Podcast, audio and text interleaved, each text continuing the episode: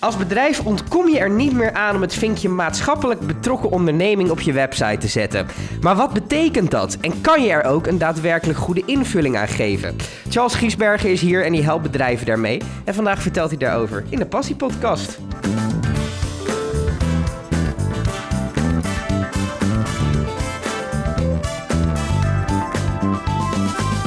Charles, goed dat je er bent. Dankjewel. Uh, hoe ben je hier in godsnaam opgekomen? Oei, uh, nou ik hoorde net dat we maar 20 minuten hebben, dus ik ga even een heel lang verhaal heel kort maken. Heel goed.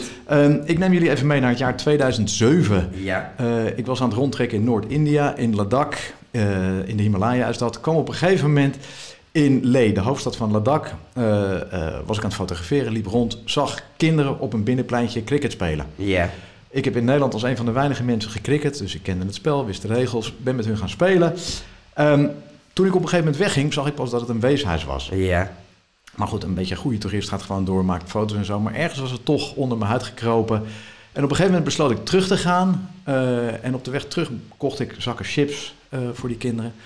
En op het moment dat ik de poort doorkwam, echt 60 kinderen, die vormden in één keer een rij. Ja. En dan weet ik niet of jij toevallig broertjes, zusjes hebt, vriendjes, vriendinnetjes met kinderen in de leeftijd, pak een beetje 5 tot 14. Ja, die staan niet netjes in een rij over. Nee, en wat er gebeurt als er een zak chips open gaat. Dan helemaal niet. Juist, niet daar. Ze kwamen keurig één voor één naar voren, pakten één of twee chipjes. Mm -hmm. En ik vond het zoiets waanzinnigs.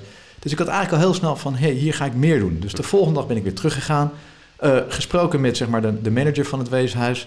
En uh, hij vertelde mij daar, je moet niet vergeten, Lee ligt gemiddeld op 3000 meter hoogte. In de winter worden daar min 25, min 30 graden. -hmm. En toen kwamen we eigenlijk al heel snel op een idee van... hé, hey, ik wil jullie helpen. -hmm. Alleen, hoe kan ik dat nou doen? Uh, ik zei ook heel simpel, ik heb geen geld. Ik heb alleen tijd en een netwerk. Ik heb vanuit Lee iedereen in mijn netwerk een mailtje gestuurd... van jongens, ik zit hier in Noord-India. Ik ben dit weeshuis tegengekomen. Ik wil eigenlijk een jas voor een kind kopen. Mhm. Zodat ze in de winter gewoon naar school kunnen gaan. Help mij om die jassen te realiseren. Kost hier gemiddeld op de markt 10 euro. Ja. Dus doneer een tientje. Ja. Mailtje gestuurd. Ik ben uh, weggegaan, want ik had ook nog een, uh, andere plannen. Uh, een tracking onder andere. En na een week kwam ik terug. En mijn doel was dus 600 euro ophalen. Mm -hmm. Na een week had ik 2400 euro binnengekregen. Kijk eens. Reacties van mensen die zeiden van... joh, dit jaar koop ik geen straatje staatsloten voor de eindejaarsloterij. koop mij maar jassen. Of koop een jassen, twee jassen, maar ook een paar schoenen. allemaal dat soort dingen. Mm -hmm. um, Lang verhaal kort maken. Ik kon dus naast de jassen sweatshirts kopen, schoenen, maar ook gewoon uh, basis uh, dingen voor hygiëne, tandpasta, zeep, allemaal dat soort dingen. Mijn laatste avond in Lee besloten we eigenlijk om een groot feest ervan te maken. En uh, ik vertel het verhaal ook heel vaak bij presentaties in het Engels. Gelukkig zijn we nu in het Nederlands. Het moment dat ik de cadeaus mocht uitdelen aan de kinderen, ik verzeker je, Stefan, Sinterklaas bestaat. het is die dankbaarheid in die Ja. ogen van die kinderen die me ja, zo verschrikkelijk diep heeft geraakt. En toen had ik eigenlijk van daaruit van jongens, uh, dit is het, hier moet ik verder mee. Mm -hmm. Alleen op welke manier, hoe kan ik het invullen? Mm -hmm. Nu gaan we fast forward naar uh, 2015. Ja. Um, want ik ben tussentijd ben ik er wel steeds mee bezig geweest. Het kreeg aandacht, kreeg wat minder aandacht, et cetera. 2015 um, was ik met mijn lieve vrouw bij mijn zwager in New York. Uh, en toen had ik eigenlijk zoiets, ik had natuurlijk wel onderzoek naar gedaan. Amerika natuurlijk de bakermat van wat ik noem uh, employee volunteering. Mhm. Hoe kan je dus als bedrijf uh, met je medewerkers vrijwilligerswerk gaan doen? Ja. Toen had ik eigenlijk besloten van, hé, hey, als ik nou nou toch ben, waarom ga ik nou niet even de top 20 uh, werkgevers in New York interviewen? Mm-hmm. Ambitieus doel. Absoluut. Uiteindelijk is het gelukt om er 18 te interviewen. Kijk. Want die Amerikanen vinden het geweldig als daar een of andere pipo uit de Netherlands komt. Ja. Uh, en hun gaat vragen over hoe zit het nou met employee volunteering, corporate Mm-hmm. citizenship. Mhm. Maar met name de vragen die ik had was van... oké, okay, maar wat betekent dat nou voor je cultuur, voor je bedrijf... voor de betrokkenheid van de medewerkers? Mhm. Ja, dat, dat was een, een, een... de Engelsen zeggen het heel mooi, een epiphany. Mhm. Een openbaring. Ja. Daaruit kwam voor mij heel sterk voort... oké, okay, dit is de weg die ik moet gaan. En eigenlijk wat je dus zegt is... hoe kan je dus bedrijven verbinden met de maatschappij... door middel van vrijwilligerswerk? Wat zeiden die Amerikaanse bedrijven tegen jou? Het was met name op het gebied van employee engagement... de betrokkenheid van de medewerkers. Mhm. Uh, uh, daar draagt het zo verschrikkelijk sterk aan bij... Mhm. Um, in de basis, wat zij zeiden, in de basis is de mens wel een ander mens helpen. Mhm. En denk je eens in van als je dat dus als bedrijf gaat faciliteren, dat je medewerkers de ruimte biedt om tijdens werktijd, Mhm. hè, dat is toch wel een, een, harde eis uh, uh, die je kan stellen, die gedaan wordt. Als je dus tijdens werktijd anderen mag helpen vanuit jouw passie, Mhm. van wat je belangrijk vindt of wat je van als bedrijf belangrijk vindt. Hè? Want er zijn natuurlijk heel veel mogelijkheden hoe je dat kan doen. Ehm, die medewerkersbetrokkenheid, die wordt daar zo sterk in. Er staat een, een verbondenheid op eigenlijk een heel ander niveau. En niet alleen tussen de medewerkers en het bedrijf, maar ook tussen de medewerkers onderling. Mhm. Eh, want het mooie is, als je dus ziet wat er gebeurt, en dat is iets wat we in deze tijd eh, eh, behoorlijk missen, is eigenlijk de informele gesprekken die plaatsvinden bij Ja. het koffiezetapparaat. Ja. Als je dus met een groep medewerkers, met een team of met het hele bedrijf een goed doel gaat helpen, een dag, een middag, wat het dan ook zij, de gesprekken gaan op een heel ander niveau. We worden intrinsiek als mens, gaan we elkaar met elkaar verbinden. Mhm. In plaats van eigenlijk eh, eh, wat je vaak ziet, het meer formele gebeuren van... hé, hey, we hebben vandaag een teamuitje. Mhm. We hebben een teambuildingsdag. Ja. Zo geforceerd. Ja, Ja. en natuurlijk helpen ze allemaal, maar het mooie hiervan is... wat ik daar met name geleerd heb en wat ik nu ook eh, zelf heb ervaren... het gaat op een hele natuurlijke wijze. ja. Het gaat van mens tot mens. Omdat mensen doen wat echt belangrijk is. Juist. Toch, ik ga, toch kan ik ehm, me voorstellen, je hebt het nu over Amerikaanse bedrijven.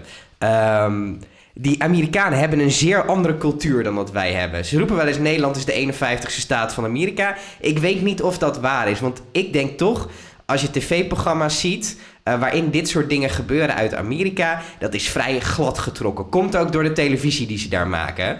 Maar ik denk wel dat de cultuur daarin wel anders is tussen Nederland en Amerika. Absoluut, absoluut. Amerikanen, die, dat, dat is ge- eigenlijk gebouwd op vrijwilligers. Ja. Eh, in Nederland is het altijd een beetje in een, in een eh, hoe moet ik het zeggen, in een beetje in een, in een hoekje gedouwd. Van, ja, ja, dat moet dan maar even. Of vrijwilligers, dat is Ja. niet voor mij, dat doen andere mensen wel. Wat ik heel erg sterk merk, is ehm, dat er een ongelooflijke kentering aan de gang is. Het zijn met name de jongeren. Eh, je mag het gerust weten, ik ben over de 50, dus ik ben een oudere jongen in dit geval. Eh, maar werk heel veel samen met studenten, eh, met internationale bedrijven. Het zijn de, de, de generatie Z, de millennials. Die willen echt bijdragen aan de wereld. Het mooie is dat je ook vanuit mijn generatie ziet en merkt nu dat bedrijven zoiets hebben van... hé, hey, wacht even, er is iets meer Mhm. dan alleen het, eh, het, het harde geld verdienen, laat ik het even zo zeggen. Mhm. Wij moeten ook onze sociale legitimiteit waarborgen en laten zien. Mhm. Nou, wat is dan mooier als je dus met je werk, met je werknemers, met je medewerkers een lokaal doel gaat helpen en ondersteunen. En dat kan op allerlei manieren. Hè? Want wij denken nog vaak, oké, vrijwilligerswerk is het traditionele handjeswerk. Ja, bij de voedselbank. Dat is één ding. Ja. Maar je hebt natuurlijk ook nog een stel hersens die je kan inzetten. Ja. En je hebt ook nog middelen of muntjes die je kan inzetten. Mhm. En daarmee kan je dus ongelooflijk goed gaan spelen om iets te gaan zoeken wat echt uniek is voor jouw bedrijf. En eh, ik wil je daar een voorbeeld even van geven van hoe we daarmee kunnen omgaan. Ehm, een opdrachtgever van mij, eh, ik mag de naam rustig zeggen, WeTransfer. Mhm. Internationaal Grote partij. grote partij, internationaal bedrijf. Eh, ooit voortgekomen met name om hun doel voor de creatieve industrie. Om die te helpen, om die bestanden heen en weer te delen. Ja. Daarom kwam op een gegeven moment de vraag van... hey, wij hebben een viertal kernwaarden binnen ons bedrijf... die willen we eigenlijk gaan activeren en gaan laden. Toen ben ik gaan zoeken op basis van die kernwaarden... hey, welke initiatieven passen daarbij vanuit de creatieve industrie? Ja. Om een voorbeeld te geven, toen kwamen we op bijvoorbeeld de Museum of Humanity... Mhm. eh, opgezet door een fotograaf... die een droom had om een museum te laten eh, te bouwen... waarop mensen werden gezien vanuit hun waardigheid... in plaats van uit de verschillen. Mhm. Die mensen zijn daar op een groep, een mannetje of 20, 30, is daar echt op een maandagochtend gaan helpen met schoonmaken, schilderijen ophangen, zodat hij op tijd open kon. Mhm. Een ander voorbeeld is wat we daar deden, ehm, wat ook bij de jongeren heel erg aanspreekt, was eh, het plastic probleem wat we hebben. Ja. Die zijn een kunstenaar gaan helpen met de plastic Madonna. Mhm. En dat was echt letterlijk kleuren plastic in bakjes verzamelen. Dat is echt het handjeswerk. Maar bijvoorbeeld op hersenswerk zijn ze ehm, eh, Café 5 in Amsterdam gaan helpen, het Vluchtelingencafé. Ja. Met kijken van, hey, welke nieuwe businessmodellen zijn er voor jullie mogelijk? Welke nieuwe inkomstenstromen zijn er mogelijk? Mhm. En dan ga je echt op denkniveau ga je met mensen bezig zijn. Dus zo kan je ontzettend spelen eh, met, hey, wat past nou bij je mensen? Wat past bij je bedrijf? Mhm. Jij riep net, de voedselbank is heel vaak erg voor de hand liggend. Ja. Vooral ook doen. Ja. Ja, ja. Laten we dat even buiten. Ja, ja, zeker. Echt, het is, het, ik, ik verzet me er niet tegen, vooral doen. Mhm. Ik denk alleen dat je er nog meer uit kan halen door eigenlijk te gaan zoeken van, hey, wat is nou uniek voor jouw bedrijf? Mhm. Wat maakt jouw bedrijf uniek? Wat maakt jouw mensen uniek? En ga van daaruit eh, eh, zoeken. Wat, wat zie jij in die bedrijven gebeuren ehm, als ze dit gaan doen? Eh, een enthousiasme, Mhm. een, een, een, een nieuwe dynamiek gaat er ontstaan. Mhm. Je leert je collega's op een totaal andere manier kennen. En daardoor ga je dus eigenlijk ook als mens met elkaar verbinden van... hé, hey, god, dat wist ik helemaal niet van jou. Mhm. Een collega waar je, eh, eh, eh, nou ja, wat je even natuurlijk standaard binnen een bedrijf hebt. Je hebt de afdelingen marketing, sales, finance, HR en zo, IT. Het zijn vaak eilandjes. Vaak eilandjes, Ja. maar ook een beetje van... oh god, daar heb je die zeikert weer van finance... die wil dat ik mijn uren invul op dit of dat of zus of zo. Ehm, dan ga je een beetje in een tegenover elkaar gestelde houding staan. Mhm, Het mooie is als je eh, dus op een andere manier elkaar leert kennen... mhm. dat het eigenlijk heel natuurlijk gaat. Ja. En dat de vraag ook anders wordt. Lijkt het meer op de speelplaats van vroeger dan?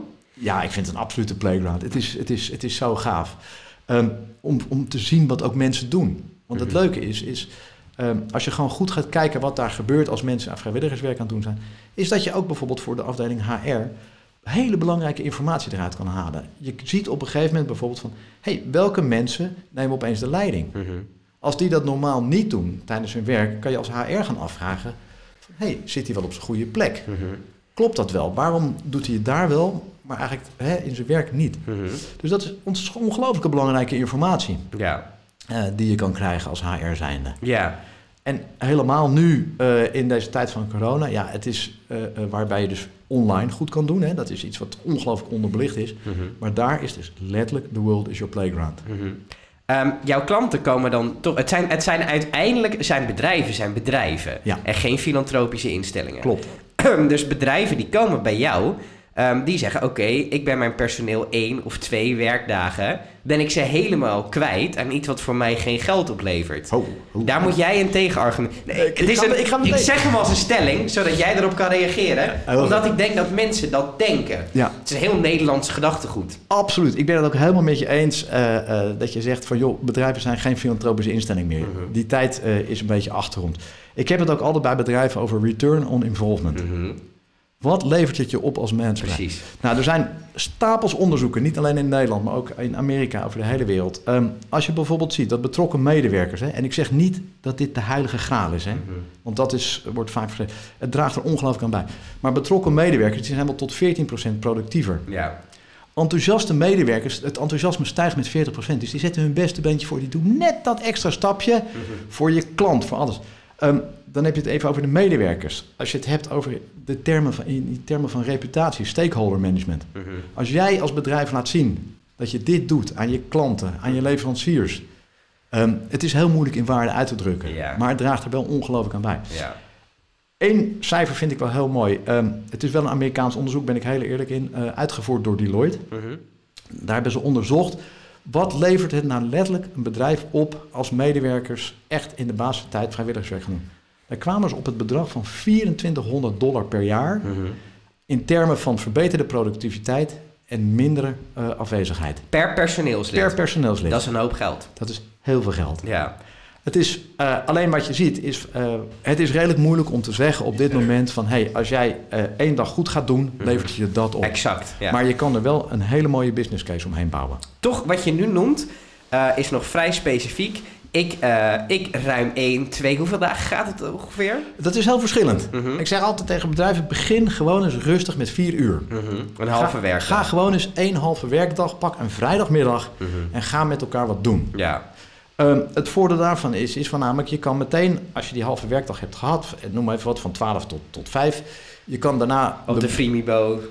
Juist, je hebt hem de Freemibo, maar mensen kunnen direct hun ervaringen delen. Delen, en ja. dat is zo belangrijk in dit verhaal. Ja. Laat ze eerst maar eens kennis maken, eerst maar eens proeven. Mhm. Ehm, het belangrijkste is ook, eh, want heel veel partijen vergeten dat je hebt het over vrijwilligers en geen vrijmoedigers. Ja. Dus als je het initieert, als je het doet, hou het echt als vrijwilligers. Mhm. En zorg dat, en als, eh, ehm, als je begint, ik zeg altijd, joh, als je rond de 50% kan scoren bij de start, doe je het al heel, Heel goed. erg goed. Ja. En ga van daaruit maar bouwen. ja. Ehm, tuurlijk is mijn droom dat het vaste programma's worden, waar Mhm. mensen eh, eh, x aantal dagen per jaar erover mee mogen doen. Ja. Ik noemde het net even WeTransfer bijvoorbeeld. Mhm. Die hebben 2,5 dag per jaar. Mhm. Maar er zijn ook partijen die doen gewoon één keer. Ja. Nou, één keer is al beter dan, geen keer. Dan geen keer. Ehm, toch denk ik dat. Sorry dat ik steeds terugkom op die Hollandse mentaliteit. Maar ik, ik heb in bedrijven gelopen. Ik ken, ik ken de Hollandse mentaliteit vrij goed. Ehm, ik kan me ook voorstellen dat je niet zo'n. st- Stel, jij bent een personeelslid die denkt: daar zit ik echt niet op te wachten. ehm, dan zorgt dat ook voor een bepaalde geforceerdheid die misschien tegendraads werkt. Hoe ga je daarmee om?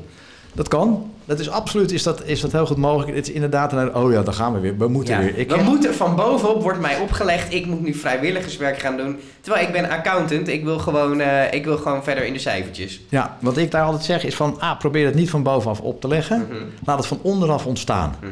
Eh, wat ik, eh, ik heb jarenlang in de marketing- en communicatiewereld gewerkt. Ja. eh, en weet inderdaad van als mensen het vaak van bovenop leggen, oké, we moeten het doen. mhm. Nou, dan weet je eigenlijk al dat het Dat succes. Nee. het gaat hem natuurlijk never nooit worden. Nee. Je kan beter ehm, het, gewoon het programma aanbieden. Er zijn altijd binnen ondernemingen zijn er altijd enthousiastelingen. Al, zijn, ja. al zijn het maar twee mensen, al is het Ja. maar één iemand. Ja. Ga die mensen voeden. Mhm, Wat ik zeg, met informatie, met dingen. Geef ze de ruimte. mhm. Zij zorgen dat het vlammetje gaat aanwakkeren. Zij zorgen voor dat vonkje. Zij gaan mensen eh, eh, eh, ja, even dat, dat, dat vonkje overbrengen. Mhm. Ehm, wat we net ook al even kort zeiden. Ehm, een belangrijk ding is wat ik zie als mensen dus vrijwilligerswerk hebben gedaan... of hebben een dag wat gedaan of iets. ehm, vergeet nooit om mensen na afloop het podium te geven. Mhm. Er zijn mensen, en ik heb het echt letterlijk meegemaakt... die zeggen de dankbaarheid die ik terugkrijg... dat is zoiets gaafs. Die Mhm. willen hun verhaal kwijt. Als je hun op de Vrijmibo of de Frimibo het podium geeft op op andere manieren... dan gaat het vlammetje wel aanwakkeren. Dan gaat het verder. ja, dus misschien moet je het een dag doen met een groep enthousiastelingen. En vanuit daar maken die enthousiastelingen de rest enthousiast. Juist. Dus de mensen die zich willen aansluiten, sluiten zich wel aan. Ja. Ehm, dan zie je het leuke waar ik dus vanuit, van welke hoek ik kom, vanuit de marketing communicatie, Mhm. is dus als je dus gaat denken vanuit je bedrijf, vanuit je kernwaarden, vanuit je missie, vanuit de industrie waarin je zit, Mhm. kan je programma's gaan ontwikkelen Mhm. die dus aansluiten bij mensen, Ja. die ze snappen en waardoor ze geactiveerd worden en enthousiast worden. Ja. Om een heel simpel voorbeeld te geven, als jij bijvoorbeeld in de advocatuur zit, eh, ja, de voedselbank helpen is prima, vooral doen. Ik zal je een voorbeeld geven, dat was een, een advocatenkantoor, dus dan heb je het ook over een traditioneel bedrijf Zeker. eh, klant van mij, die wilden hun naam eigenlijk meer gaan vestigen in het klimaatdomein. Mhm. Maar ze zitten ook met het feit, eh, dan zie je dus een andere manier hoe je het kan inzetten, is dat er heel veel zeg maar, junior juristen zijn. Mhm. eh, en als ik het even heel gechargeerd mag zeggen, die zijn ongeduldig, die zijn razend enthousiast, die denken dat ze de wereld kunnen verbeteren. Ja. Heel simpel.